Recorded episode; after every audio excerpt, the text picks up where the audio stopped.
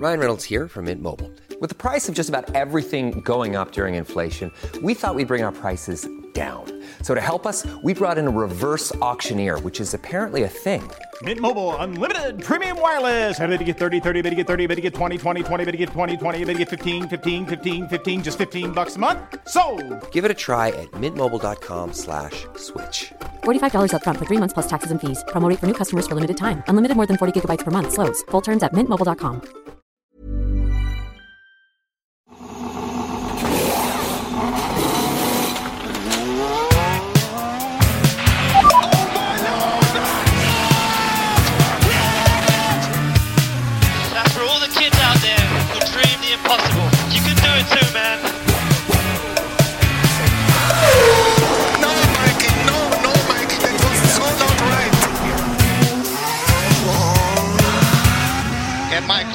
and steering wheel.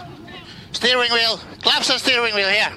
Det har varit race igen, tack och lov. Vad härligt det var ändå att det blev lite åka av i Singapore, trots allt regnande. Det var nästan så att man trodde att det skulle regna bort där i Singapore.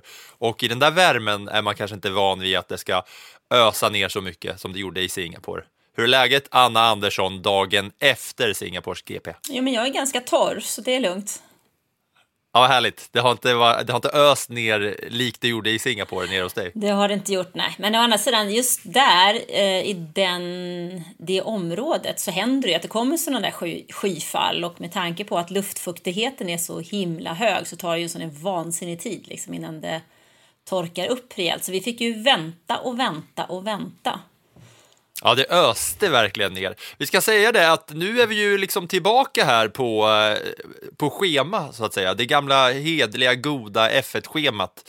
Eh, vi har haft två veckor där vi har eh, kört våra specialavsnitt, Förarnas väg, och vi får väl börja med att alltså tacka för att det har kommit in mycket god respons.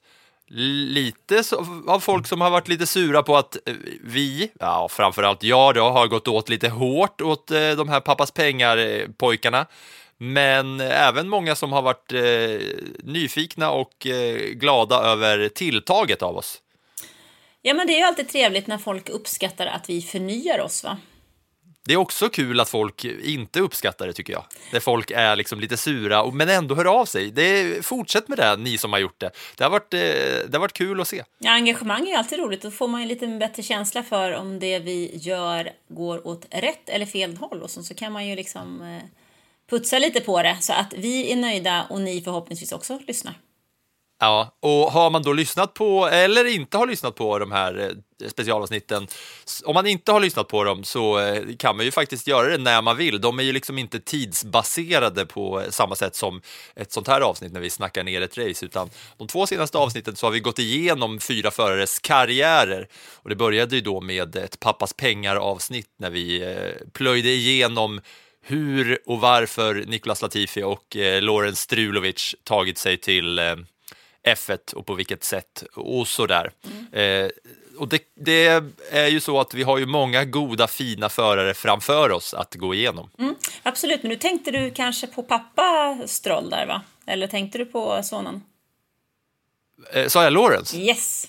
Ja, ja, det, var, det, det är snurrigt där. Jag var så fokuserad på att jag skulle säga Strulovic istället för Stroll, så, så eh, ja, det, det får jag bjuda på. Det är ju lite samma person. Lance och Lawrence och Strulovic, Stroll. Lite samma personer. Eh, det kommer komma avsnitt när vi går igenom eh, andra förare som har lite mer gedigna karriärer och det kommer ju bli när det passar och det inte har raceats och ska raceats. Nu är det inte många race kvar av säsongen, men från båda oss, Tack och kul att ni har eh, sagt vad ni tycker i alla fall om eh, det här tilltaget från oss. Eh, men nu ska det bli lite vanligt avsnitt och i och med att vi nu är tillbaka då på eh, liksom eh, schema så, eh, så var det ju såklart så att det hände eh, det vi väntade oss skulle hända. I och med att vi gjorde två förinspelade avsnitt så kom det ju nyheter om kontrakt i samband med att eh, de här avsnitten kom ut då. Mm, såklart, det var väl egentligen bara att vänta, var det inte det? Jo, exakt. Och eh, vad har hänt då sen sist? För det är ju ändå ganska stora grejer som, eh, som eh, damp ner i nyhetsbrevlådan. Ja, det började med att eh, Williams och Nicolas Latifi kom överens om att deras gemensamma framtid slutar i och med att den här säsongen slutar. Så att eh, Latifi lämnar Formel 1.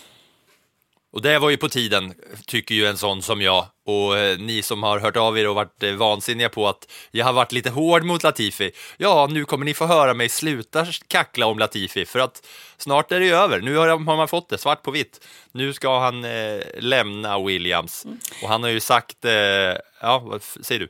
Jag skulle bara säga att Yang Yo Joe, han är nog också rätt glad över att eh, Latifi lämnar Formel 1 efter den eh, behandlingen som han fick under helgens lopp i Singapore. Medan själv så stannar ju Joe hos Alfa Romeo. Ja, det, den, den ihopkörningen ska vi komma till för att eh, när vi går igenom vad som hände i Singapore. Eh, men det som är klart är Latifi ut från Williams. Han har sagt jag förstår deras beslut. Det är en resultatbaserad bransch och så vidare. Ja, det tror fan att det egentligen är. Men du har ju spelat med lite andra regler, Mr Latifi. Men eh, han har ju, ja, han förstår deras beslut, va? Han har ju inte rosat marknaden i år. Vad, och, ehm, då blir det ju intressant att se vad som ska hända i Williams, för det har man ju inte fått eh, exakt eh, reda på hur det ligger till. De har, en, de har en talent driver som heter Logan Sargent. Det är han som är deras talent driver. Han ligger trea i F2 bakom Drugovic och eh, Theo Pourchaire. Och det är tajt i det där mästerskapet. Jag eh, läste om att han måste då, den här Logan Sargent, för att kunna, eh, om det nu är så att de, det är honom de vill satsa på i och med att han är deras talent driver, så måste han komma femma i F2. Och eh, han ligger just nu trea som sagt bakom de där två och det är tajt med poäng ner till sjunde platsen. Man... Och då undrar jag en sak om eh, F2. Där, när man kollar F2-schemat så står det att det är ett race kvar av säsongen. Och det är Jas Marina 20 november. Det är ju ett väldigt eh, annorlunda schema än vad man förväntar sig då om man är som, eh, som jag och många av våra lyssnare, lite så här, eh, ja, man småsneglar på F2 lite då och då. Mer och mer ju mer man eh, förbrukar, eller liksom kollar F1. Så eh, det har liksom följt F1-schemat fram tills nu och nu är det liksom ett långt uppehåll in till sista racet. Ja, men tänk på var, var kör F1 någonstans? De kommande. Det är ganska stora, I A- ja, det är ganska Ja. stora förflyttningar här. Det är Asien och sen så ska vi över till eh, USA och till eh, Sydamerika. Eh, det är ju ganska stora förflyttningar eh, som kostar väldigt, väldigt mycket pengar. Så att eh, där väljer man ju kanske göra en något mer ekonomisk och kostnadseffektiv satsning. Men är man intresserad av att kolla in eh, Logan Sargent så kan man faktiskt kolla på den första träningen till USAs GP. För då ska han köra för Williams. Mm. Och det blir, det blir lite spännande eh, med vad som ska hända i Williams. Nu är jag liksom superintresserad av hur det, ska, hur det ska gå för Williams när de ska få in en ny förare. Det tycker man ju är kul att få eh, förkni- eller liksom lära känna en ny rackare eh, i det där. Eh, det är klart, Latifi ut. Han kommer inte köra mer eh, efter den här säsongen. Eh, Gian Yu klar med nytt kontrakt för Alfa Romeo. Precis. Sunoda, klar med nytt kontrakt. Ja, han är klar med nytt kontrakt och den, den tycker jag är lite mer intressant därför att Tsunoda har ju inte tagit poäng sen vi var i Spanien. Det är ju månader sen. Han har inte haft det så här superenkelt. Och även om Pierre Gasly har ett kontrakt så ryktas det ju om att eh, Alfa Tauri skulle kunna tänka sig att sälja honom, det vill säga mot en ekonomisk ersättning då släppa honom till Alpin som väldigt En gärna... transfersumma liksom. Ja, för de, Alpin vill ju väldigt gärna ha två franska förare. Det skulle ju vara snyggt för ett franskt team. Och i det fallet så sitter man då kvar med Tsunoda och han är ju bra på mycket men han känns ju inte alls som någon form av teamleader i min bok. Nej, han är ju ingen trygg punkt. Nej, han är ju inte den här föraren som, som utvecklar bilen, ser till att man plockar poäng, tar de nödvändiga poängen och lyfter teamet framåt. Han är ju mer den som talar om att det här går åt eh, fanders.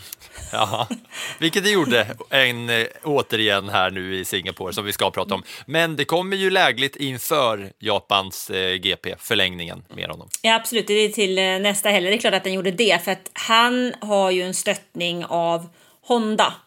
Och Honda äger ju också Suzuka som vi ska till eh, nästa vecka. Så att, men det som jag kan tycka är lite intressant, det är ju då vad vad vill Alfa Tauri ha intill Tsunoda? Där känns det som att eh, Helmut Marko har sagt att man tittar i sina egna led.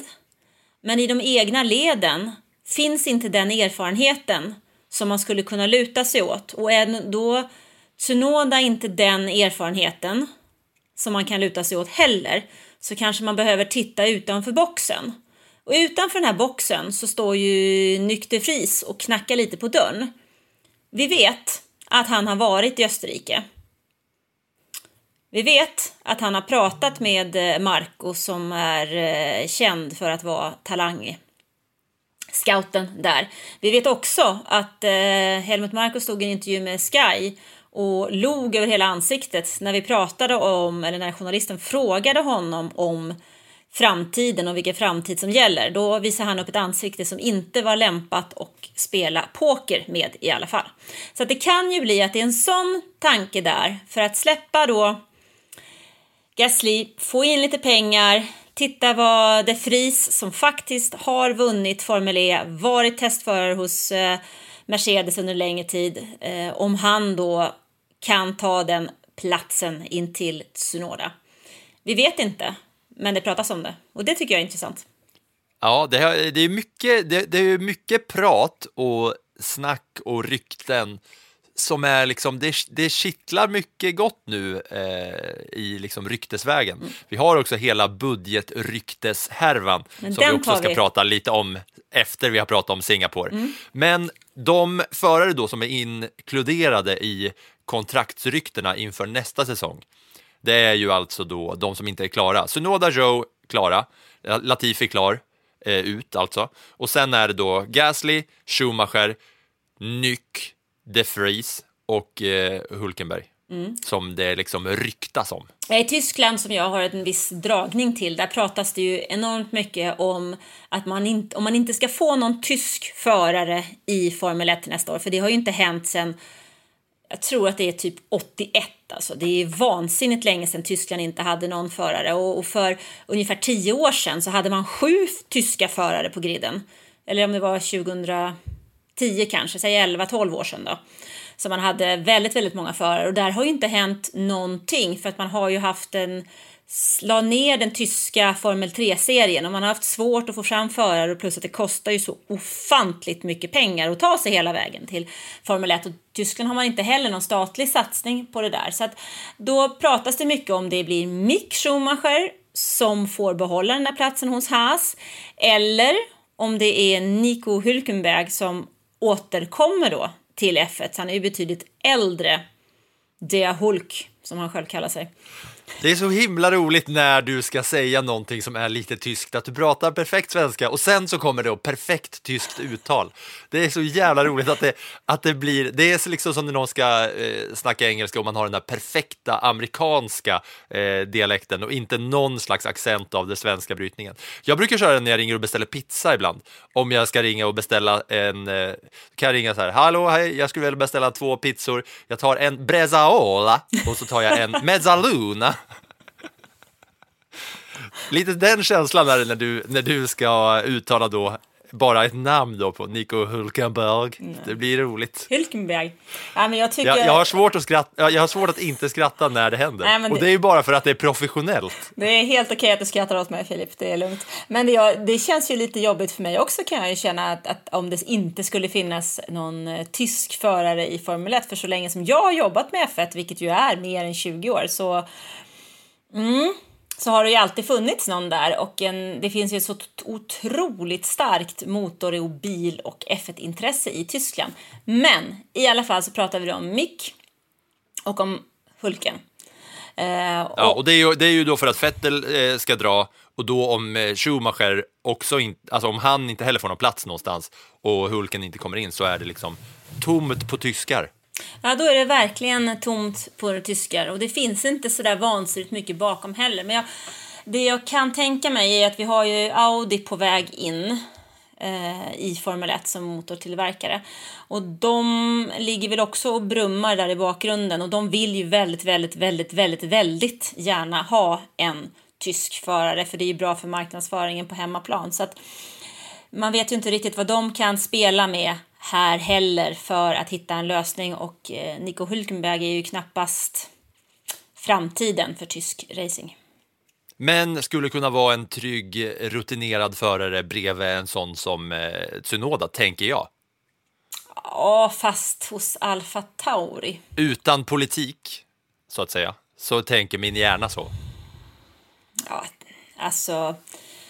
Nico är ju ganska... Jag vet inte hur jag ska uttrycka mig här för att det ska kännas helt schysst alltså. Men han är ju lite speciell den mannen med sitt eh, sätt att uttrycka sig, sitt sätt att vara. Jag vet jag gjorde en intervju med honom för, jag fick en sån här en one to one, det var bara han och jag som gjorde en intervju. Eh, och då gjorde vi den på tyska. Och så frågade jag... Som sig bör. Som, ja men naturligtvis, ja men du får ju mycket bättre svar Ja, eh, när du gör det på, på en förares moders eh, mål. Så det är klart att jag har gjort, haft, gjort det när det har varit tyska förare. Det har inte varit någon snack om saken. Men i alla fall så vet jag så bra, han, han körde för Renault då och så pratade vi lite grann om kontraktet och så frågade jag honom bara, tänkte jag måste ju ändå fråga hur långt kontraktet är, ingen talar ju naturligtvis om det. Och då svarar, då svarar han helt enkelt eh, att eh, det, det kan jag tala om för dig men eh, då eh, behöver jag döda dig efter det. Va? Yes! Va? är det sant? Ja. Oh, jävlar! Och så är han helt... Där kan, där kan SD-gänget med sin journalistrugby slänga sig i väggen med, med hot mot journalister. Ja, helt liksom helt iskall i ansiktet. Och sen så tar det typ så här, och jag vet inte, funderar på vad, vad Då måste jag döda dig. och jag tänkte, vad, vad säger han här liksom? Och sen så tog jag, så tog det kanske så här två sekunder och så började han asgarva. Fy fan! Ja, Ja, det kan jag berätta. Men då ska jag döda dig. Fan vad jobbigt då om man, om man då sen skulle säga. ja, vad gör vi nu Ja, då? ja, men kont- kont- kontraktet går ut nästa år. Vad gör vi nu då? Han, han säger, jag kan berätta, men då måste jag döda dig. Kontraktet går ut nästa år. Ja, det var ju tur att jag räknade ut själv när kontraktet gick ut eftersom det var typ... Då flyger du, då flyger, om man gör så, då flyger man ju upp och sen börjar du kuta som en Disney-figur, som Tom och Jerry när de först springer på stället Mm. i, i luften och sen flyger ut med lite rök efter sig.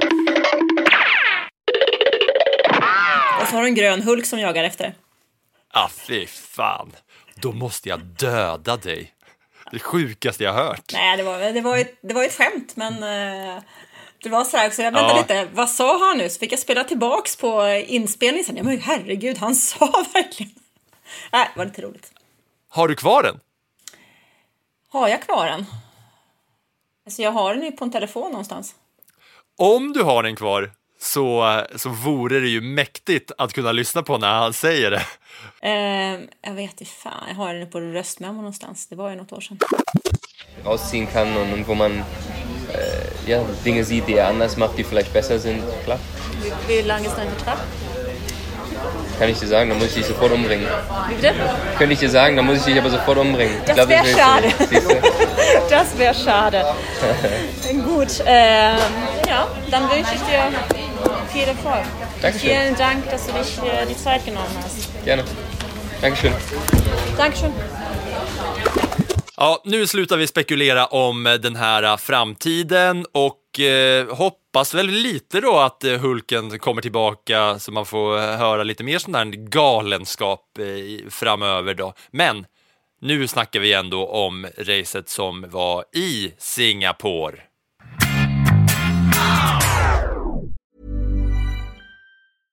Ryan Reynolds here from Mint Mobile. With the price of just about everything going up during inflation, we thought we'd bring our prices down. So to help us, we brought in a reverse auctioneer, which is apparently a thing. Mint Mobile unlimited premium wireless. Ready to get 30, 30, bit to get 30, bit to get 20, 20, 20, bit to get 20, 20, bit to get 15, 15, 15, 15 just 15 bucks a month. So, Give it a try at mintmobile.com slash switch. $45 upfront for three months plus taxes and fees. Promo rate for new customers for limited time. Unlimited more than 40 gigabytes per month. Slows. Full terms at mintmobile.com.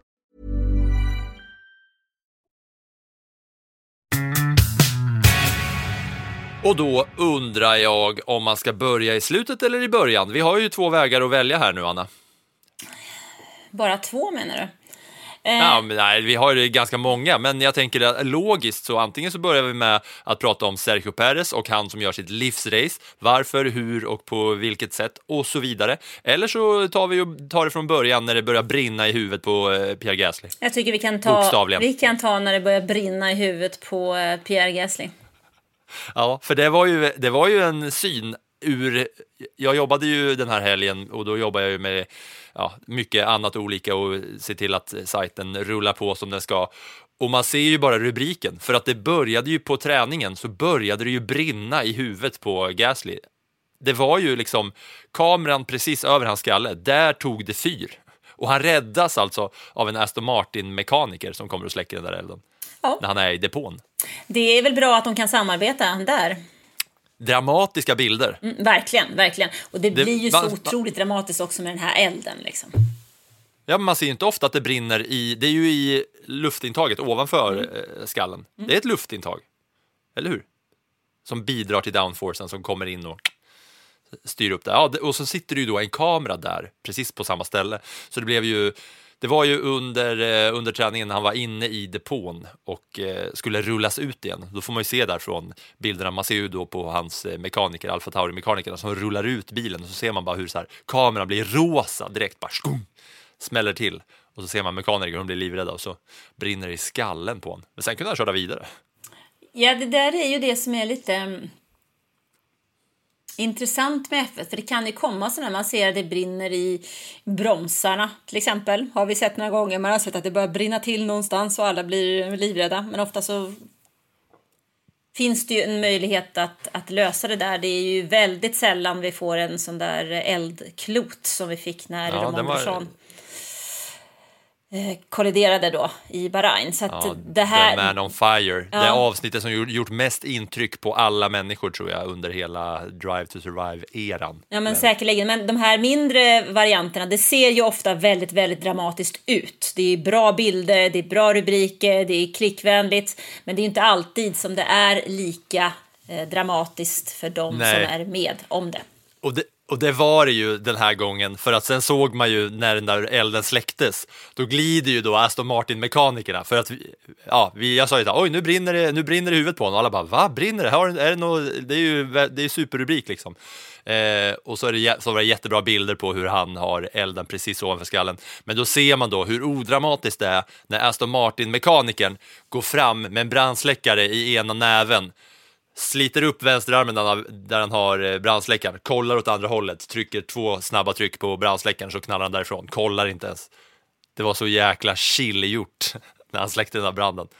Det var ganska eh, kul att se. Ja, men det var på träningen. Eh, sen var ju då den stora snackisen på kvalet. För att det här var ju, inför den här racehelgen så, fyllde ju, så var det ju så att Max Verstappen hade chansen om stjärnorna stod rätt och bussarna hade vingar eh, och mormorn sa rätt saker, så eh, var det ju så att Verstappen skulle ju kunna vunnit eh, världsmästartiteln här. Men så blev det ju inte riktigt. Han fyllde 25 bast innan eh, helgen drog igång och sen så sket sig allt för Verstappen. Ja, det gjorde ju det. Det gjorde ju det. Han fyllde ju väl 25 år den sista september. Det måste ju varit i fredags det som han fyllde. Och eh, nu går jag väl kanske händelserna lite i förväg, men det var lite intressant tyckte jag när man lyssnade på eh, den något bitske Helmut Marko efter racet när han sa att det där var ju en riktig födelsedagshelg. Först satt ju inte setupen där den skulle vara under eh, fredagen. Sen hade vi debaclet på lördagen och sen var det fel motormodus på söndagen. Det var ju ingenting som funkade. Typ. Nej, och då, det kan, kändes- då kanske man kan det kändes verkligen som att det var den typen av helg. Det var, helg. Det var verkligen, det hade inte spelat någon roll vad Max Verstappen hade gjort den här helgen, för det hade inte gått i alla fall. Nej, och då för den som kanske kollar på, eh, som lyssnar på den här podden och inte sitter och kollar träning 1, träning 2, träning 3 och kval, utan man kanske kollar när racet börjar, så blir man ju lite förvånad av att se Max Verstappen så långt bak i startfältet. Och det är ju på grund av att i kvalet, så i Q3, eller först hade de ju jättemycket problem i träningen, Red Bull, rent allmänt. Alltså, alla träningspassen såg, så var det lite det var lite klurigt för, eh, för Red Bull med eh, bilen. Men sen i, i kvalet då så, så går ju Verstappen mot en eh, bra tid, men han väntade länge in, i Q3 innan han ska gå för sitt fullvarv när han, ska, när han ska satsa. Och då gör han en tid eh, mot slutet, det var ju samma sak där, det var, hade ju varit blött och det torkade ju upp mer och mer. Eh, vilket gör att ju senare du sätter din snabba tid, desto snabbare kör du eftersom att ju längre man håller på, desto mer torkar banan upp. Och det som händer med Verstappen är ju att han, han avbryter ett varv som han är på väg att köra snabbt för att han ska ge det en chans till. Och då hör man då radiomeddelandet, om man lyssnar på, på hela hur kommunikationen går med eh, radion, så, så tvingar de ju honom att avbryta. Eh, för att, har man fått reda på i efterhand, att bränslenivåerna i tanken var för låga. Så skulle han göra sitt snabba varv och då måste de mäta, de måste ha en liter i motorn efter att de har eh, gjort klart kvalet, va? Är det så det är? Alltså man, ja, problematiken i det här är ju att han har ju ett riktigt snabbt varv. Man brukar säga att man, man sätter in ett varv som du har på banken. Du har ett varv som du vet är snabbt ifall att det skulle hända någonting. Och när han, han har ett varv på banken, men det är det varvet som ger honom plats åtta eftersom banan hela tiden utvecklas så pass mycket. Sen har han möjlighet att göra ett snabbt varv till. Och som jag uppfattar det så är det trafik på det varvet. Det är Gasly som är lite i vägen där så att han saktar av fast han har bra tid. Och sen så bestämmer de sig då för att de ska ta ett varv till. Och det är ju ett grymt varv ända tills de skriker åt honom att han ska avbryta. Och det är för att de ser ju att om han kör klart varvet har han inte bränsle nog i bilen för att kunna göra bränsleprovet.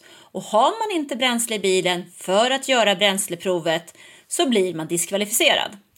Och då hade han fått starta längst bak av allt och då känner de att ah, men fan, det går, allt går åt helvete här ändå, vi får nöja oss med åttonde starten. Ja, men plats åtta i Singapore på en bana som är nästan till omöjlig att köra om på är ju betydligt bättre än startplats 1920. Ja. Inte många gånger den här säsongen man har sett Red Bull struggla så mycket. Vi kan väl lyssna på hur det lät exakt radiokommunikationen mellan Verstappen och hans eh, ja, gubbe i eh, depån. Okay, Max, we've got 15 seconds margin. We can increase the gap to Gasly. Increase gap to Gasly. Recharge on, mode 1. Recharge on, mode 1. I'll let you know when to go. Tell me when to go, yeah. 23 seconds. Still 20. 20 seconds. Strat 1, and let's go, Max. P1 currently a 49.4. That's 2 seconds below your time. Box, Max. Box, box, box, box, box. Why? What the? Why? What the fuck? What the fuck? What the fuck are you guys saying? Unbelievable, mate. I don't get it. What the fuck is this about? We'll talk about it and, Alex. and explain uh, once you're out, Max. Alltså det låter ju som att Max Verstappen är en pojke på nio som precis har lärt sig säga fuck när han då grinigt säger what the fuck, what the fuck, what the fuck are you guys saying? Det är ju det, det låter verkligen som en barnunge som precis lärt sig svära och tycker det är lite kul att svära. Han är ju vansinnig. Jag var lite förvånad att han ändå gjorde som de sa åt honom i radion för att vara Verstappen. Att han ändå gick in och boxade. Det visar väl att han är lite äldre än nio. Ja, ja, jo, det gör det ju. Ja, jag tyckte det var, det var ett intressant, eh, en intressant kommunikation över radion. Absolut, men det, gav ju, det där gav ju oss en väldigt spännande startgrid inför söndagen. Jag kände ju efter det här kvalet att Ja, vad sjutton, det här skulle kunna bli ett riktigt, riktigt bra race. Annars så är ju Singapore det är ett fräckt race. Det är mycket lampor, det är ljus, det är snyggt, det är bra bilder men kanske inte det absolut eh, roligaste racet att följa eftersom det blir väldigt mycket tågåkning på en bana som på många ställen är typ två meter bred. Det är lite som när man kör Brio-tåg när man var liten. Liksom. Brio-tåg. Ja, träbanan. ja. Ja, Brio-tåg. Ja, det är fan eh, bra tågräls. Eh, ja, de andra små grejerna som är värda att notera ifrån kvalet är ju att det var dubbla Alfa Tauri i topp 10 kvalmässigt. Russell eh, missade Q3. Det var ju eh, sisådär av honom. Han startade från pitlane för att han tog sin femte eh, motor. Då var det det som heter ICE, MGU, HMGU och något mer. Kommer inte ihåg vad det där var. Och sen så eh, var det ju Ricardo och Ocon i botten det var ju typ där från kvalet. Och sen kom ju då racet eh, som höll på att regna bort. Det var regn och det var regn och det var skyfall. Mm. Alltså jag kände någonstans när vi väl hade fått igång det där racet efter eh, lite mer än en timme så kände jag att även om det var en start så var det fortfarande bara en lång väntan. Först väntade vi på att regnet skulle sluta. Sen väntade vi på att regnet skulle starta. Sen väntade vi på att det skulle hända någonting. Sen väntade vi på att det skulle komma en DRS. Och sen väntade vi på att de skulle få eh, byta däck. Glöm inte det. Vi väntade också på att vi skulle bli av med intermediatesdäcken. Och vi väntade på att någon skulle gå i depå. Så det kändes som en enorm lång väntan. Tills vi hade väntat så länge att de bytte antalet varv som var klar till en klocka. Ja, ja alltså först in, alltså det här med regnet inför var, är ju lite eh, intressant för att det, var, det kändes så oklart. Det var inte så många som visste exakt vad det är som gäller när det blir då tidsbegränsat, eh, hela racet. Eh, det var ju för att det regnade ju massor, så blev det först uppskjutet en timme, eller hur? Det skulle ju starta klockan två, våran tid egentligen. Och då kan jag säga som arbetande på Sportbladets, eh, det som kallas desk, att jag har ju då arbetsuppgifter som eh, inkluderar att kolla på alla andra sporter också. Eh, det var perfekt upplagt för min arbetsdag om det hade startat klockan 14. För sen så drog liksom allt det andra igång. Det var SHL och det var allsvenskan och det var damallsvenskan och allt hände i de här grejerna samtidigt. Det var liksom 12 mål i SHL-matchen eh, mellan Malmö och Brynäs. Det var Hedvig Lindahls banderoll och allting. Och det hade varit så perfekt, då hade jag liksom kunnat glida in i racet där 14 och sen 15 så hade de andra grejerna börjat, då hade liksom F1 avslutats. Men istället blev det så att allt började på en och samma gång. Så, så min liksom, mina ögon fick ju åka mellan alla de där skärmarna samtidigt. Mm. Men alltså var... racet, eller regnet. Ja men regnet, det, det kändes nästan Filip när du berättade detta som att det är någon, någon där uppe som tyckte att nu har du varit ledig alldeles för länge. Som satt och väntade med en sån här hink, liksom Ice Bucket Challenge och bara dra i. Så det skulle jävlas lite ja. extra med dig. Ja men det, på något sätt var det så. Och jag undrar ändå, alltså för att varför har man wets? Alltså varför finns det uh, wet tires om man ändå ska vänta på att det ska liksom, eh, om man ändå skjuter upp det så att banan är torr så att man inte behöver använda de här våta däcken. Ja, men i det här fallet så det var ju inte ett regn. Det var ju inte ens ett skyfall. Det var ju mer än ett skyfall. Hollywoodregn. Ja, men det kändes nästan som att det var någon som vände upp och ner på en jättehink mitt över Singapore liksom. Vilket gjorde att det var ju så pass mycket vatten på banan och det går ju liksom inte att... Det är sprayen från bilen framför, de ser ju ingenting. Sikten blir ju så väldigt, väldigt dålig. Plus att du har ju en sak till. Nu vet jag inte om det var det som var anledningen här, men du måste ju kunna lyfta med en räddningshelikopter. Annars får du inte starta loppet. Kan du inte, så är det dimma eller för dåligt väder och en, en räddningshelikopter inte kan lyfta så får du inte köra. För att om det då händer någonting så eh, är ju risken för väldigt, väldigt svåra och kanske till och med livshotande skador stor. Och den där, just den här med räddningshelikoptern är ju en avgörande fråga vid den här typen av extremväder och dimma som vi ibland kan få se. Det är ju inte bara här det har hänt. Alltså Japan till exempel är ju ett annat ställe där, där den typen av väderlekar kan inträffa. Så att just den här räddningshelikoptern eh, har en viktig roll. Mm -hmm. Det där hade jag ingen aning om och det låter ju superlogiskt. Ja. att det är så. Och det säger En ju varken du eller jag som sitter och tittar på TV. Vi säger bara att men det regnar väl lite. Men samtidigt så är det så att det har ju med säkerheten att göra. De måste ju kunna se mer än 30, sekund, 30 centimeter framför sig. Liksom. Jag tänkte ju lite så här att det kan ha att göra med allt tempo runt omkring som det har blivit i eh, F1 med att det ska göras massa, liksom att processen är så lång inför racet. Att det ska sjungas nationalsång under öppen himmel och att det i andra fall ska flygas liksom militärflygplan och sådana grejer. Den här gången såg du hur jäkla sjukt roligt det var att när nationalsången skulle köras så var det performed by Armed Military Forces and sung by, alltså sjö- sången framförd av Singapore Airlines Cabin Crew. Jag såg faktiskt det. Och jag Kabinpersonaltjejerna skulle stå där i sin liksom flygvärdinna mundering och sjunga. Det var ju såklart förinspelat och jättemycket autotune hörde man. Men det var ju så kul att det var ett special PR-grepp att det liksom att det ska vara flygvärdinnorna som sjunger nationalsången. Ja, Då börjar jag garva som fasen. Ja, vi har väl alla, tänker jag, olika sätt att se på saker och ting. Jag var inte så jätteimpad kan jag säga. Nej, eh, verkligen inte jag heller. Men jag tyckte att det var ett kul tilltag att, att eh, flygvärdinnorna skulle vara de som sjöng låten. Men då kan vi, Det kan vi var- köra äh, vet du, Sveriges sportjournalistkår tar den då inför nästa fotbollslandskamp på Friends. Journalistkåren ska sjunga. Ja, nej, jag tänkte ju mer om så här, tänk om man skulle göra det i Sverige med liksom SJs tågpersonal framför nationalsången inför Sverige-Spanien på Friends Arena. Nu kommer nationalsången med Robert Wells och med eh, SJs tågkabinpersonal. Du, de kanske, är, de kanske är grymma. De kanske har en kör där som inte varken du eller jag vet om. Ja, verkligen. Nej, men eh, fan, eh, sug på den karamellen då, SJ och eh, Robert Wells. Det kan ni väl göra nästa gång då. Ta, eh, ta inspiration av Singapore Airlines Cabin Crew. Så inför nästa eh, landskamp på Friends Arena fotboll eller hockey i, i Globen eller något så kommer SJs tågpersonal och sjunger nationalsången. Det hade ju varit något ändå. Okej, till det racet som man trodde nästan skulle regna bort. Du snackade om väntan.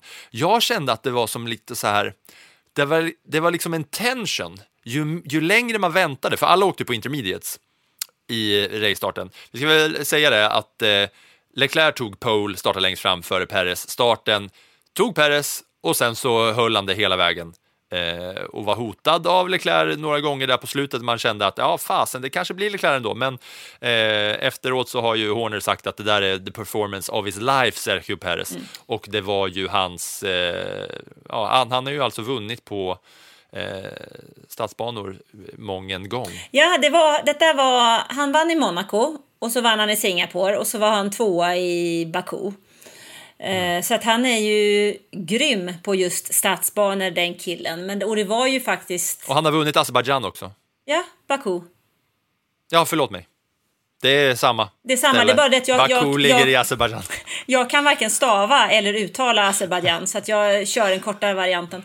Eh, Men det kanske vi... Jag kan faktiskt stava det efter att jag skrev någon, en krönika på Svenska fans om när Arsenal skulle uh, åka dit och spela Europa eh, League-final. Då, så nu sitter stavningen Azerbajdzjan i ryggmärgen hos mig. Den är lurig. Ja, Testa den du- ni, kan ni utmana varandra på, ni som lyssnar. Jag har skrivit hur många OS-guider som helst. Eh, och framförallt när man kommer till brottningen, där eh, fri fristil, Ja. så är de vansinnigt duktiga. Och jag tror att jag Ja. kollar den stavningen varje gång. Men i alla fall, eh, Sergio Perez start är ju det som avgör hela det här racet. Han gör en makalöst bra start. Och sen lyckas han hålla undan. Och det är ju den som, som är nyckeln och som eh, eh, hjälper honom att få det övertaget han har. Och sen har han ju en, en press från Leclerc under många delar av loppet, men han lyckas hålla undan. Och det är få race som är så tuffa som just det här racet eftersom det är så hög luftfuktighet, det är så fruktansvärt varmt.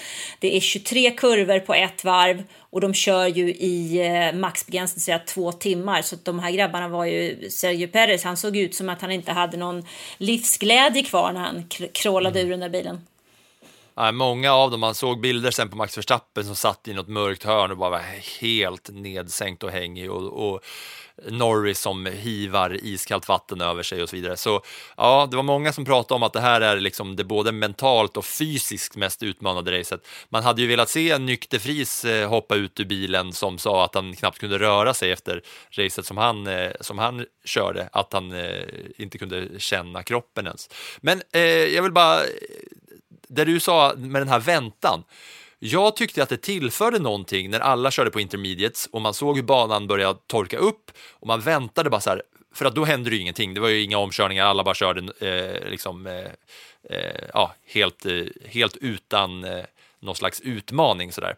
Eh, men för mig kändes det som en, att ju längre man väntade, desto mer drama förväntade man sig. Det byggdes liksom upp som en sån här dramatisk sträng som ligger i en skräckfilm, som ligger en hög sträng som ligger hela vägen. Man vet att snart kommer man hoppa till. Och ju längre det där håller på, desto mer blir ju liksom själva stora smä- smällen då så att säga. Och det, så blev det ju sen när banan var tillräckligt torr, för då jäklar smattrades in i depån och däcken skulle bytas. Ja, då hände det. Alla väntade ju, väntade ju, väntade på att någon skulle ta första steget. Och det var ju George Russell som tog den i sin Mercedes. Och han såg ju ut som Bambi på halis. Ja, verkligen. Han sladdade satan ut ur första kurvan när han eh, kom ut där. Det var liksom som att han skulle vara med i någon Need for Speed Drift-tävling när han eh, sladdade ut med sina eh, mediumdäck där. Men sen så var det lite svårt i början, men sen fick han upp tempen, satte snabbaste varv. Ja, och då eh, började de andra passa på när de såg att hans tider blev lila, det vill säga han körde fort, så då var de också inne i depå. Men jag kan, någonstans så fattar jag faktiskt ändå inte riktigt varför Merca lät honom köra hela vägen till mål. Jag menar, han hade ju ändå en helt ny motor. Ja. Alltså han var ju tvärsist, han kunde inte göra någonting. Hade det inte varit bättre att spara den motorn då? Eller var det så viktigt liksom att ligga med där ute ifall att det skulle komma en säkerhetsbil till så att han i det läget då skulle ha en fördel liksom. Men det kändes som att chansen var lite liten. Ja. Eller är jag fel ja, på det? verkligen.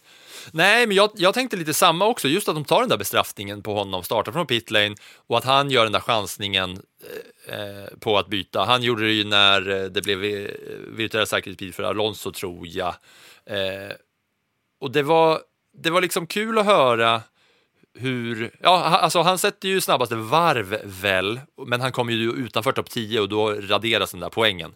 Eller hur? Man kan bara få poäng för snabbaste varv om man kommer på topp 10. Det är väl någon sån eh, grej som man kanske tänker på, att eh, de ändå gick för den där poängen. Jo, men då hade men han tog sig inte upp dit. Då hade han ju behövt ta sig till topp 10 och det gjorde han ju inte. Han var ju liksom så långt efter så att det kändes ju som att han körde ett eget litet race och de andra ett Ja. annat. Liksom. Så att, eh, men det, de har ju säkert siffror och data som jag inte har, vilket gör att de har en bättre koll på det hela. Men jag, någonstans så var min, min tanke var egentligen, det är inte bättre att spara på livslängden på motorn. Det är ju ändå fem lopp kvar. Mm. Han kom ju 14 då och det är ju bara för att det är eh, DNF på Sunoda Ocon, Albon, Alonso, Latifi och Joe. Vi ska komma dit såklart. Men jag, jag tyckte det var intressant att höra skillnaden på hur alla såg på det här med eh, mediumdäck eh, eller att gå på, gå på eh, slicks. För man får höra Sainz får en fråga på radion och då är han taggad redan på varv 18 när han säger så han bara, det börjar nog bli dags. Och sen så klipper de till Verstappen som är så här supertydlig. Han bara, nej, det är, för, det är still too wet liksom. Att det var så stor skillnad på hur två sådana toppförare, hur deras syn på saken var. Men de låg ju också på helt olika ställen eh, i loppet. Verstappen Mm. hade ju en dålig start med fel motormodus. Han var väl nere och vände på plats 14 innan han tog sig upp och sen så låg han ju väldigt långt bak i fältet. Eh, blev till slut så pass eh, störd och het på gröten att han liksom gjorde såna här rookie-misstag som man såg från tidigare. Gjorde en, en, eh, ja, bromsade bort sig helt enkelt. Eller han hann inte ens bromsa för han var utanför, eh, utanför ideallinjen som var torr eh, och tappade ännu mer när han skulle försöka köra om. Lando Norris var det väl. Så att han, eh, han hade ju en annan, även om Sainz hade en hård fast fight med Lewis Hamilton under långa delar av loppet så låg Max Verstappen i en helt annan typ av trafik. Mm. Ja, alltså det var ju uppfriskande ändå, alltså när man har följt en sån här säsong, när Max Verstappen och framförallt Red Bull är liksom klanderfria. Och så kommer en sån här helg där allt skiter sig för Verstappen. Det var liksom kul att följa Verstappen i mitten av fältet på något sätt. Och han, eh, ja, som sagt, han eh, körde ju bort sig där när han skulle köra om Norris. Och det, det var ju så tydligt då att han, han skulle ta sig förbi Norris på slutet. Och då går han på insidan, men då är det ju så att det är verkligen en ideallinje som man kan köra och det gjorde ju också att det blev mindre omkörningar för att släpper man det här spåret så är det ju blött därför att ingen har kört där innan och då gick det inte för honom att bromsa överhuvudtaget. Eh, så ja, det var ju, eh, det var ju kul. Eh, en annan incident som vi behöver eh, ta upp är ju när eh, Latifi klämmer in eh, Joe på varv 8 och då skrev jag till dig Latifi, punkt, punkt, punkt med tanke på allt han och jag har gått igenom. Ja, jag kände ju bara... Klämmer ut vår vän. Jag kände ju bara där att det kanske är bra att han eh, letar efter ett annat yrke framöver. För att, alltså grejen är ju där att han, de fick bryta båda två. Joe var ju förkrossad naturligtvis.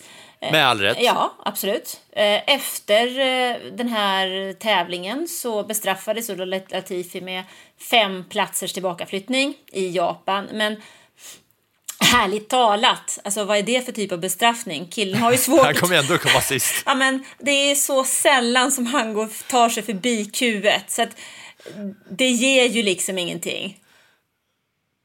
Nej, det är verkligen ett patetiskt straff. Jag har inte ens tänkt på det fram tills nu, så jag bara, ja visst, det är fem platser. Ge han liksom, äh, det spelar ingen roll vad man kan göra, man kan ju inte göra någonting. Nej, alltså två punkter. Där vill man ju se ett bötesbelopp bara. Ja, eller han får starta liksom från andra hållet eller något. Jag vet inte. Ja, eller inte, han får starta i F2. Nej, men alltså det, jag tyckte det var så, ja, fem platser bak, ja, jag vet inte, låt honom starta från ruta 25 då. Ja, ja kul då om, eh, om det är massa som tar massa motor och nya motor, motordelar och får bestraffningar. Då blir det ändå så att Latifi borde åka, åka bak. Eh, ja, men den var situationen. Där kände jag jävligt mycket för kinesen alltså så jävla klart och tydligt han ska köra om och Latifi bara då inte... Han, det, jag tänkte, Latifi, han är så van att inte ha någon bakom sig så han kan alltid köra som han vill och då är det så låg kvalitet att han inte ens kan liksom få in i sin hjärna att, att ja, hur man försvarar. Utan han klämde ju bara in show där och så sket det sig för båda. Det var ju, eh, ja, fruktansvärt. Sen så var det en mardröm för alpin. Oh. Andra racet i rad utan poäng och eh, Ocons motor ser verkligen ut som att den sprängs. Ja, så överlag så kändes det som att för, för båda bilarna var motorbestraffningar, eller det var motorerna som straffade förarna helt enkelt. Och det ja. är ju två extremt dyrbara och kostsamma grejer som går där i kombination med att de nollar Samtidigt som McLaren, som de fightas med om plats fyra i mästerskapet, kör in två bilar på poängplats, tar två poäng och också går förbi dem i konstruktörsmästerskapet. Och det här kan man tänka att ja, ja, vad spelar det för roll? Jo då, en plats i konstruktörsmästerskapet handlar om ekonomi, ekonomi och inkomster i, på vi pratar om miljoner. Så de där fyra små poängen som McLaren nu har en fördel gentemot alpin kan betyda enormt mycket i slutändan och det kan bli vansinnigt kostsamt vid sidan då av att det var två motorer som gick upp i rök. Och det kommer bli vansinnigt kul att följa just den här kampen för att den är ju, den är ju het. Alltså, man trodde ju att det kändes som att alpin cruisade mot att ta den där fjärdeplatsen. Mm. Men nu med det här eh, två race i rad utan poäng och att eh, Ricciardo gör liksom sitt bästa race på hela säsongen. Eh, han var också den som gainade flest platser eh, i hela det här racet. Han, han tog 11 placeringar i det här racet. Så med hans eh, mörka säsong så, så var ju det kanon för honom. Och man fick höra hans, eller man fick inte höra, men jag har sett hans radiokommunikation på slutet, så när han körde in på sin eh, på sin eh, femte plats så eh, rapporterar de på radion, hans eh, team då, att alla på läktaren på andra sidan, de vrålade allihopa Ozzy, Ozzy, Ozzy när du körde runt sista hörnet. Och då svarar han awesome, tell them I heard it. Säg till, säg, säg till dem att jag hörde dem. Men det är ju, det är ju så att Singapore är ju egentligen vid sidan av Nya Zeeland den närmsta vägen till Australien. Vi har ju varit i Melbourne på eh, F1-premiär och då är det så att då flyger man ju liksom, jag tror det var, om det var 13 eller 14 timmar från Frankfurt till Singapore. Sen var det ju en kort resa från Singapore till Australien. Och det är ju liksom det, när, det är ju vägen ut down under. Så att vid sidan av Melbournes eh, GP så är det väldigt, väldigt många som faktiskt som australiensare som tar sig till Singapore för att se det där loppet. Mm. Ja, det var eh, kul med lite glädje för den leende Australien ju. Mm. Eh, ska vi, ska vi, eh, just det, alpin måste ju ändå säga, apropå att det där var liksom glädjescener och att man blev lite varm i hjärtat, så blev det ju som en liten liksom, knytnäve i hjärtat när man såg Fernando Alonsos Instagram-post efter det här racet, för han blev ju den tre, det var ju hans 350 race start och han blev ju den, den som har startat flest race i F1-historien i det här loppet. Och då sket det sig ju totalt. Och han la då upp, efteråt la han upp en bild när han satt med huvudet ner i det där dunkla Singapore eh, ja, kvällen. Och så skriver han, it, uh, it hurts again to think that in one of my best years in performance we have lot more than 60 points because we have lost more than 60 points because of reliability issues. Mm. Det är ganska tydliga ord det till hans ja. team kan vi ju säga. Mm att det, det, det liksom gör så ont att i ett av mina bästa år, där jag liksom, eh, eh, i min leverans, så har vi förlorat mer än 60 poäng mm. på grund av tillförlitlighetsproblem. Det är lite Alonso i ett nötskal också. Hallå, jag ja. presterar, men vad sjutton gör ni? Mm. Det är väl kanske ja, det sen... som är en av hans svårigheter. Det är att inse att eh, han är en del av teamet och inte att det är mm. teamet och han. Ja, det, det skar lite. Man hade ju velat se honom gå i mål, för han körde ju bra eh, ändå. Bra kval och så vidare. Men ja, det sket sig för båda de där bilarna. Eh, innan vi lämnar det här racet bara så vill man ju eh, ändå gå in på det här eh, käbblet med Perez mot slutet. För Perez gjorde en superstart och sen så är det ju som alltid i Singapore. Det är mycket gul flagg och det är mycket VRC och det är säkerhetsbil. Han körde ju hem racet från start till mål men efteråt så var det lite oklart om han skulle få segern eller inte. Och varför var det så? Jo, därför att eh, tävlingsledningen bestämde sig för att titta på hur han körde bakom säkerhetsbilen. Vi hade ju för eh, något år sedan en rejäl eh, kollision just när bilar åkte och värmde däck och längre bak i fältet så trodde de inte att de värmde däck när hastigheten ändrades så de trodde att det var en start vilket gjorde att det blev en rejäl startkollision. Så man har ju bestämt sig för att vi ska titta på det där så att man kör tydligt så att vi inte ska riskera några onödiga kollisioner. Och eh, då ville tävlingsledningen titta på detta, de skulle titta på det efter racet för att de ville väl höra vad Perez sa. Och grejen var ju att han gjorde ju inte vad var det han gjorde? Ja, men han körde ju inte en jämn hastighet utan han körde lite fram och tillbaka när det gällde hastigheten vilket gjorde då att det skapar ju det blir som svallvågor längre bak i fältet vilket och de andra förarna har svårt att förhålla sig till hans start och hans fart och veta vad han håller på med och när han sticker och så vidare. Eh, och då ville man titta på om han betedde sig på ett korrekt sätt eller på ett inkorrekt sätt. Och, och, det som är så att säga regeln är ju att man måste hålla sig minst 10 billängder bakom säkerhetsbilen. Man får inte eh, ha, liksom hasa bak längre än 10, 10 billängder och det är ju också svårt att mäta exakt sådär. Men det han gjorde var att han tappade ju och så var det flera gånger. Han först fick han en varning eh, under en, eh, en av de första säkerhetsbilarna. Så fick han en varning och sen när säkerhetsbilen kom ut igen, då eh, då eh, sackade han en gång till och då sa de att nej, nu, det här, det här, eh, gör du det här igen så blir det bestraffning. Och sen så åkte han ju på det, alltså de förmedlade till teamet att så här kan det inte hålla på. Och så gör han det igen under samma säkerhetsbil. Och då blir han bestraffad mm. med fem sekunder. Mm. Eh. Och då var det intressant på slutet för att först fightades han med Leclerc och sen så klarade inte Leclerc att köra om och då sa de ändå, ja ah, men push ändå och vi vet inte vad som kommer hända med bestraffningen. De hade väl på känn att det skulle bli fem sekunder. Ja, det var väl det. Så de tryckte upp så han var ju sju sekunder före i mål då liksom. Mm. Och då, då, då, blev det 2,5 sekunder eller något sånt som man eh, lyckades ta segern. Det var ju eh, efteråt va? Ja, eh, Binotto var ju vansinnig på det där efteråt. Som eh, väntat va? Ja, alltså varför skulle han inte vara det? Han ville ju se två gånger fem sekunder, men, men eh, ja F1 försöker ju också att undvika att man har ett resultat som ändras i efterhand. Så att fem sekunder, vilket gjorde att han fick behålla segern och två poäng på sin licens. Eh, var väl, för de här straffpoängen på licenser, samlar man ihop tillräckligt många under en ettårsperiod då, så kan man riskera att så blir man avstängd under ett race. Så de där poängen har ju också en betydelse. Men det var väl ett ganska logiskt en ganska logisk bestraffning för man slapp då det faktum att resultatet ändrades i efterhand för det vill man ju gärna undvika. Ja, det känns som att det var mellanmjölksbeslutet där. Hur ofta är det inte alla det? Är, ja, alla är nöjda.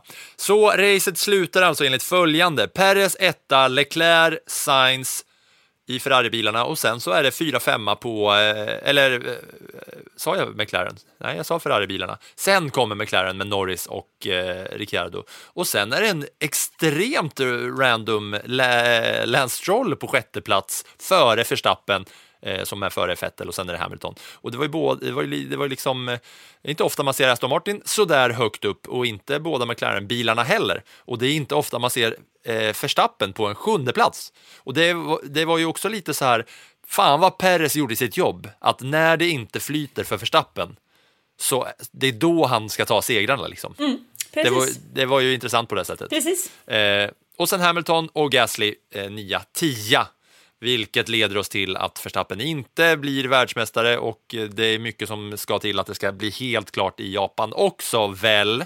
Ja. Eh, alltså han, han åker väl till Japan med 104 poängs försprång va?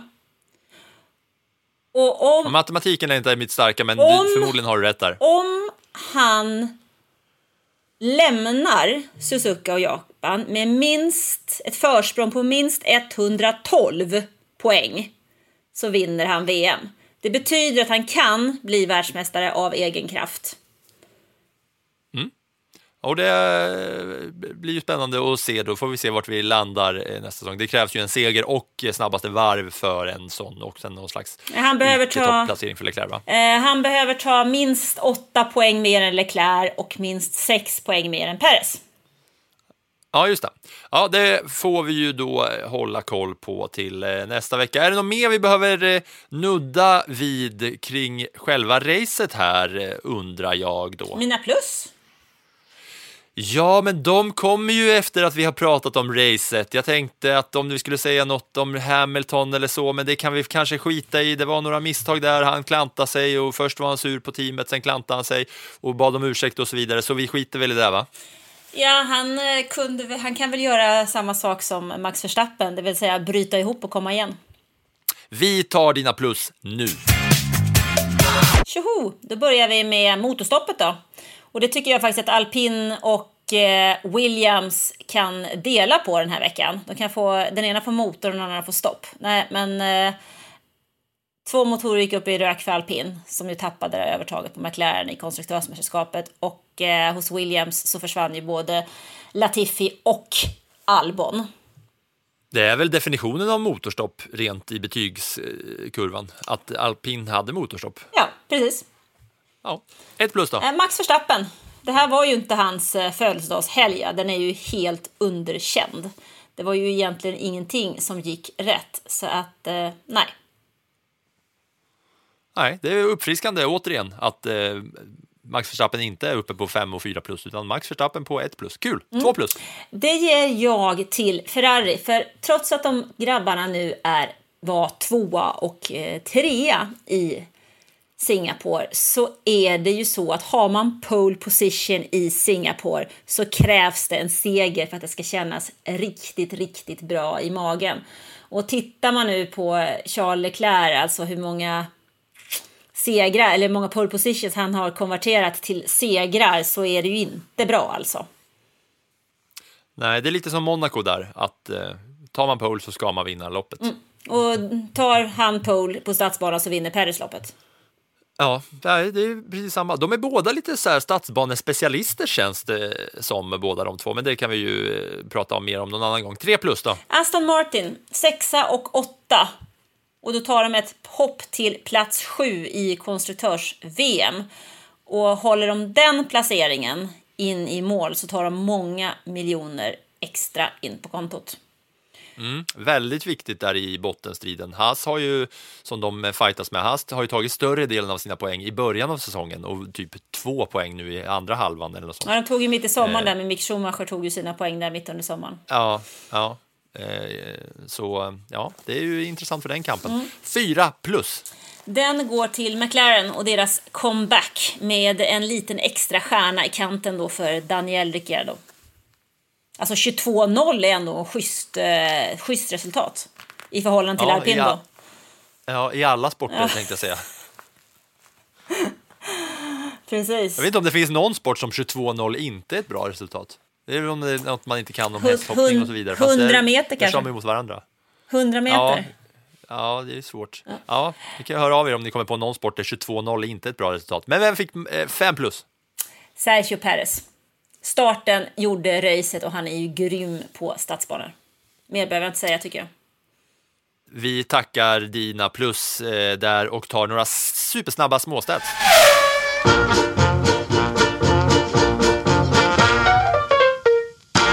Vi har varit inne på det, men alla Perres segrar i Red Bull har varit på stadsbanor alltså. Det är Azerbajdzjan som är stadsbana, Monaco som är stadsbana och nu Singapore. Det är ju alltså en stadsbanespecialist som han har blivit i Red Bull. Han har vunnit eh, Bahrain också, men det, då var det i Racing Point. Så i Red Bull-bilen så är han eh, deras stadsbanespecialist. Nästa lilla grej är att Russells topp 5-streak, som vi har pratat om lite i den här podden, den är liksom bruten på ett till sätt nu. För den här var det första gången som han gick i mål utanför topp 5. Den andra gången som han inte har varit topp 5, då bröt han, ju, eh, bröt han ju loppet.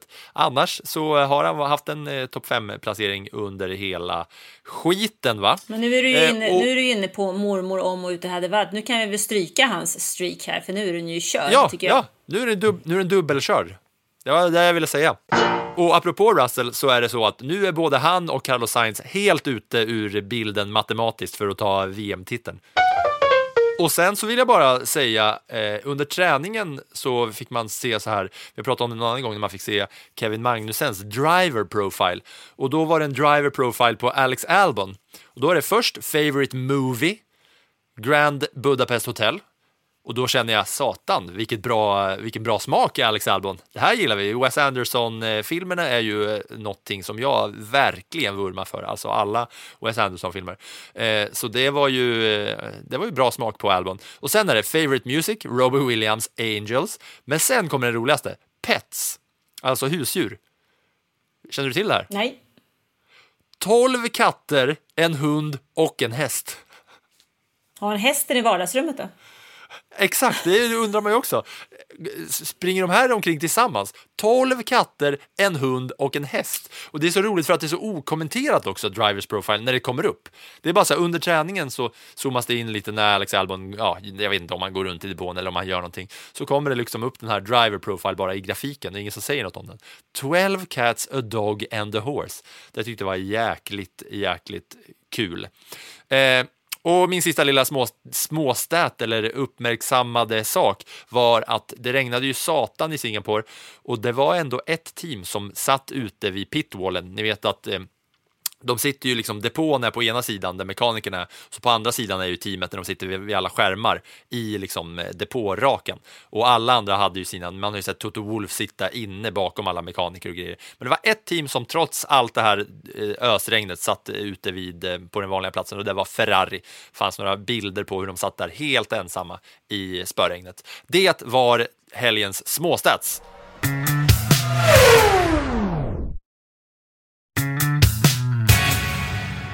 Nu kör vi ett litet, litet uppsnack inför Japans GP som, ja, det drar igång bara om två dagar när du hör det här avsnittet. Och då tänkte jag ju att vi skulle liksom eh, ranka Verstappen här bland alla om det så att han blir tidigast, eh, om han blir champion här då i Japan med eh, vad det nu är, fyra race kvar blir det, eller tre race, fyra race kvar efteråt. Ja, och då är det ju så att eh, det finns ju en jäkla massa statistik att kika på och väga mot och för och av och hit och dit. Verstappen, eller Förstappen kommer ju inte ta sig liksom högst upp för att Schumacher har ju blivit eh, champion med eh, ja, sex race eh, kvar och sen är det Nigel Mansell och Schumacher igen och Vettel och Brabham och Clark och Stewart. Och, eh, det, är ju, det är mycket folk där. Eh, sådär. Men eh, ja, jag vet inte om man ska säga något mer om det där, att det finns chans att han blir det, men han blir ju, det är liksom, han breakar ju inga rekord liksom. Så det får vi ta, om, om, vi får ta det i framtiden kanske. Alltså jag kan tycka att egentligen så mycket spelar det in. Det som är mer intressant är ju att, eh, tycker jag, att det är Japan som mästerskapen avgörs. Ja, det är ju liksom eh, Japans GP, where champions are made. Mm. Är det, det är en slogan de har va? Den har jag hört. Jaså? Jag vet inte, jag undrar. Annars är de ju sjuka i huvudet om de inte har det. Where champions are made, Japan GP. Ja. Fast, Det är eh, också den- ett tips den- till den- Japans GP och F. Om de inte använt sig av den eh, slogan redan, för att det känns ju som att det är där många champions blir eh, made. Det. Ja, berätta om banan nu Hanna, jag ska sluta sitta och svamla och kackla om skit när vi har suttit och hållit på och pratat så länge. Berätta om banan här nu, jag vill höra lite om själva Japanbanan. Det, det mesta jag vet rent tekniskt och sådär om banan är att den är svinrolig att köra och att det är många förare som har den som absoluta favoritbana. Och det har jag också när jag spelar mitt tv-spel eh, F1 eh, i sportspelet. Den är skitrolig att köra. Men vi kan väl börja i den andra änden, precis som du sa, när det gäller, det är banan, eller det är i Japan som mästerskap avgörs. 13 gånger har faktiskt VM i Formel 1 avgjorts i Japan. Det är fler än något, annat land överhuvudtaget. 11 av dem har, har VM avgjorts på Suzuka, dit vi ska. Ett, en gång har den avgjorts på Fuji och den minns ju alla de som har sett filmen Rush. Fighten mellan James Hunt och eh, Nikolaj Lauda. Och en gång 1995 när Michael Schumacher blev världsmästare så avgjordes det på Okayama. Det kommer ju Makoto Asahara och gnälla på mig för det uttalet, det kan jag säga. Men Ja, eh. Mm, vi kan ju notera i alla fall att fast då var det inte Japans GP utan det var Pacific Grand Prix. Men de första fem åren som Japans GP kördes på Suzuka så avgjordes eh, VM där. Och är det några av er som har hängt med lite längre så kommer man kanske ihåg 1989 och 1990 när det var en fight. Då måste man ha hängt med länge alltså. Ja, men jag vet ju att det faktiskt finns ett helt gäng som gör det. De som, som läser bloggen och som lyssnar och som har, nog skulle jag tippa, är födda på 60-talet. Och de var med då. Ja, fan vad grymma ni är som hänger med i bloggen och i podden Mm. då när man har den åldern i bagaget. Det är jävligt imponerande, Ja, visst är det. Jag tycker de är helt fantastiska. verkligen. Men de har ju koll på McLaren och fighten mellan Ayrton Senna och Alain Prost. Och där avgjordes 1989 och 1990 så avgjordes eh, VM på Suzuka. Och senaste gången som det var en förare som säkrade titeln i Japan är väl 2011. Sebastian Vettel. Vad ska vi annars säga då? Jo, men Max Verstappen kommer väl att trivas här eftersom banan designades av eh, John Hogenholz från Nederländerna. Det här var en testbana för Honda under 60-talet. Och eh, han avled i en trafikolycka i mitten av 90-talet och han har designat flera F1-banor, bland annat som han var med och jobbade på Sandfort. Eh, Suzuka, där kör vi... Också en skitkul bana att köra rent ur ett tv-spelsperspektiv vill jag säga. Mm. Det är de två banorna som jag har som favoriter, så då är han min gubbe alltså. Ja, John Hugenholtz. Alltså John Hugenholtz, det är han jag har att tacka för alla mina glada timmar bakom eh, ratten. Ja, absolut. Och den här helgen, 5,8 kilometer i ett varv, 53 varv. Det som är lite läckert, det är att den här banan påminner om en åtta. Och den är många förares favorit. En av dem är Marcus Eriksson. Han eh, pratar alltid väldigt, väldigt varmt om Suzuki. Han har ju faktiskt kört Formel 3 i Japan på sin tid också. Eh, innan han gick vidare till F1-stegen. Och banan i sig, den har utmanande kurvor, som Marcus uttrycker sig. Ett skönt flyt och fantastiska kombinationer. Eh, har man hört namn som typ 130R och S-kurvan? Känner du igen dem? Inte uttryckligen, men eh, bakom eh, liksom, eh, ratten så skulle jag kanske göra det om jag ser dem. De hör ihop med Suzuka i alla fall.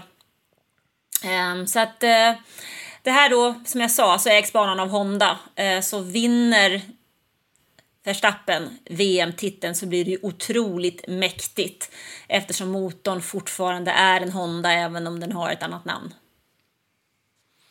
Ja. Vad, ska, vad kan vi mer säga då? Förresten, Ferrari, de har inte vunnit där sedan 2004. Det var en stund... Och det kommer de väl inte göra heller för att det är en hög pace-bana det här. Det, är en, det går fort. Mm. Det är en av de här snabbare banorna. Va? Men du vet ju inte hur vädret ser ut. Nej, det vet man verkligen inte. Så att eh, man ska ju aldrig säga aldrig, men de har alltså, så- Michael Schumacher var den senaste Ferrari-föraren som vann där och det är väl 22 år sedan då. Så att det har ju hänt och att vi ska få se en sån kille som Sonoda på pallen, det kan ju också, jag vet inte riktigt om det ens är troligt. Nej, det är det inte. Men det vore kul Ja. att se. Det är två japaner som har stått på pallen där. Hade Tsunoda stått högst upp på pallen och eh, Alex Albon på tredje så hade Albon fortfarande varit längre än Tsunoda. Ja, men det finns faktiskt två japaner som har stått på pallen där, dock ingen högst upp. Men det är Aguri Suzuki 1990. 1990, det var det året när McLarens eh, Senna och Prost kör ihop i kampen om VM-titeln på den banan. När den ena körde in i den andra. Precis. Mera, Mm. Mer än att de körde ihop ju. Ja, så kan man också uttrycka sig. Eh, och den andra, det är Kamui Kobayashi. Känner du igen honom då? Namnmässigt, ja. Mm. Han eh, körde som teamkollega till Marcus Eriksson eh, i Caterham år 2014. Men 2012 så stod han faktiskt på prispallen hemma i Japan. Mm. Det har inte körts eh, några race i Japan på två år. Senast som det kördes var 2019, va? 2020 och 2021 så var det ingen som körde, utan det var Bottas som vann 2019. Innan dess Hamilton, Rosberg och Hamilton. Eh, Hamilton dubbelvann ju 17-18 och 14-15.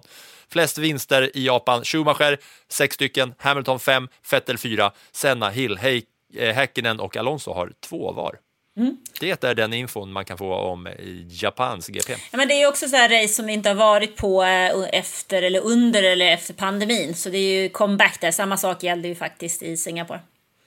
Mm. Till förarnas stora glädje och till eh, lyssnarnas stora glädje nu som har annat att ta tag i så är det här avsnittet slut. För att det känns som att det är lite extra långt, men det så får det bli när vi hade ett och annat att gå igenom. Eh, vi tackar alla som eh, lyssnar. Vi tackar framförallt eh, den som är född eh, på 60-talet eller tidigare som lyssnar på podden. Det är imponerande tycker jag bara, när vi ändå kom in på det. Följ, följ bloggen på sportbladet.se, följ live-rapporteringen på sportbladet.se och Kom tillbaka till eh, det här forumet nästa vecka så eh, ska vi snacka ner Japans GP för nu är det fan mig snart slut på den här säsongen. Sjukt. Ja, det jädrar i mig vad det går undan. Mm. Då eh, säger vi tack och trycker plattan i mattan och kör härifrån. Tack, tack.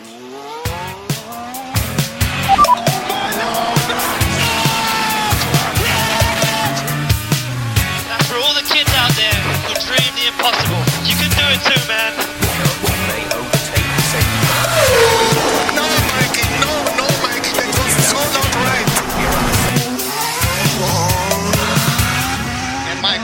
And my claps and steering wheel.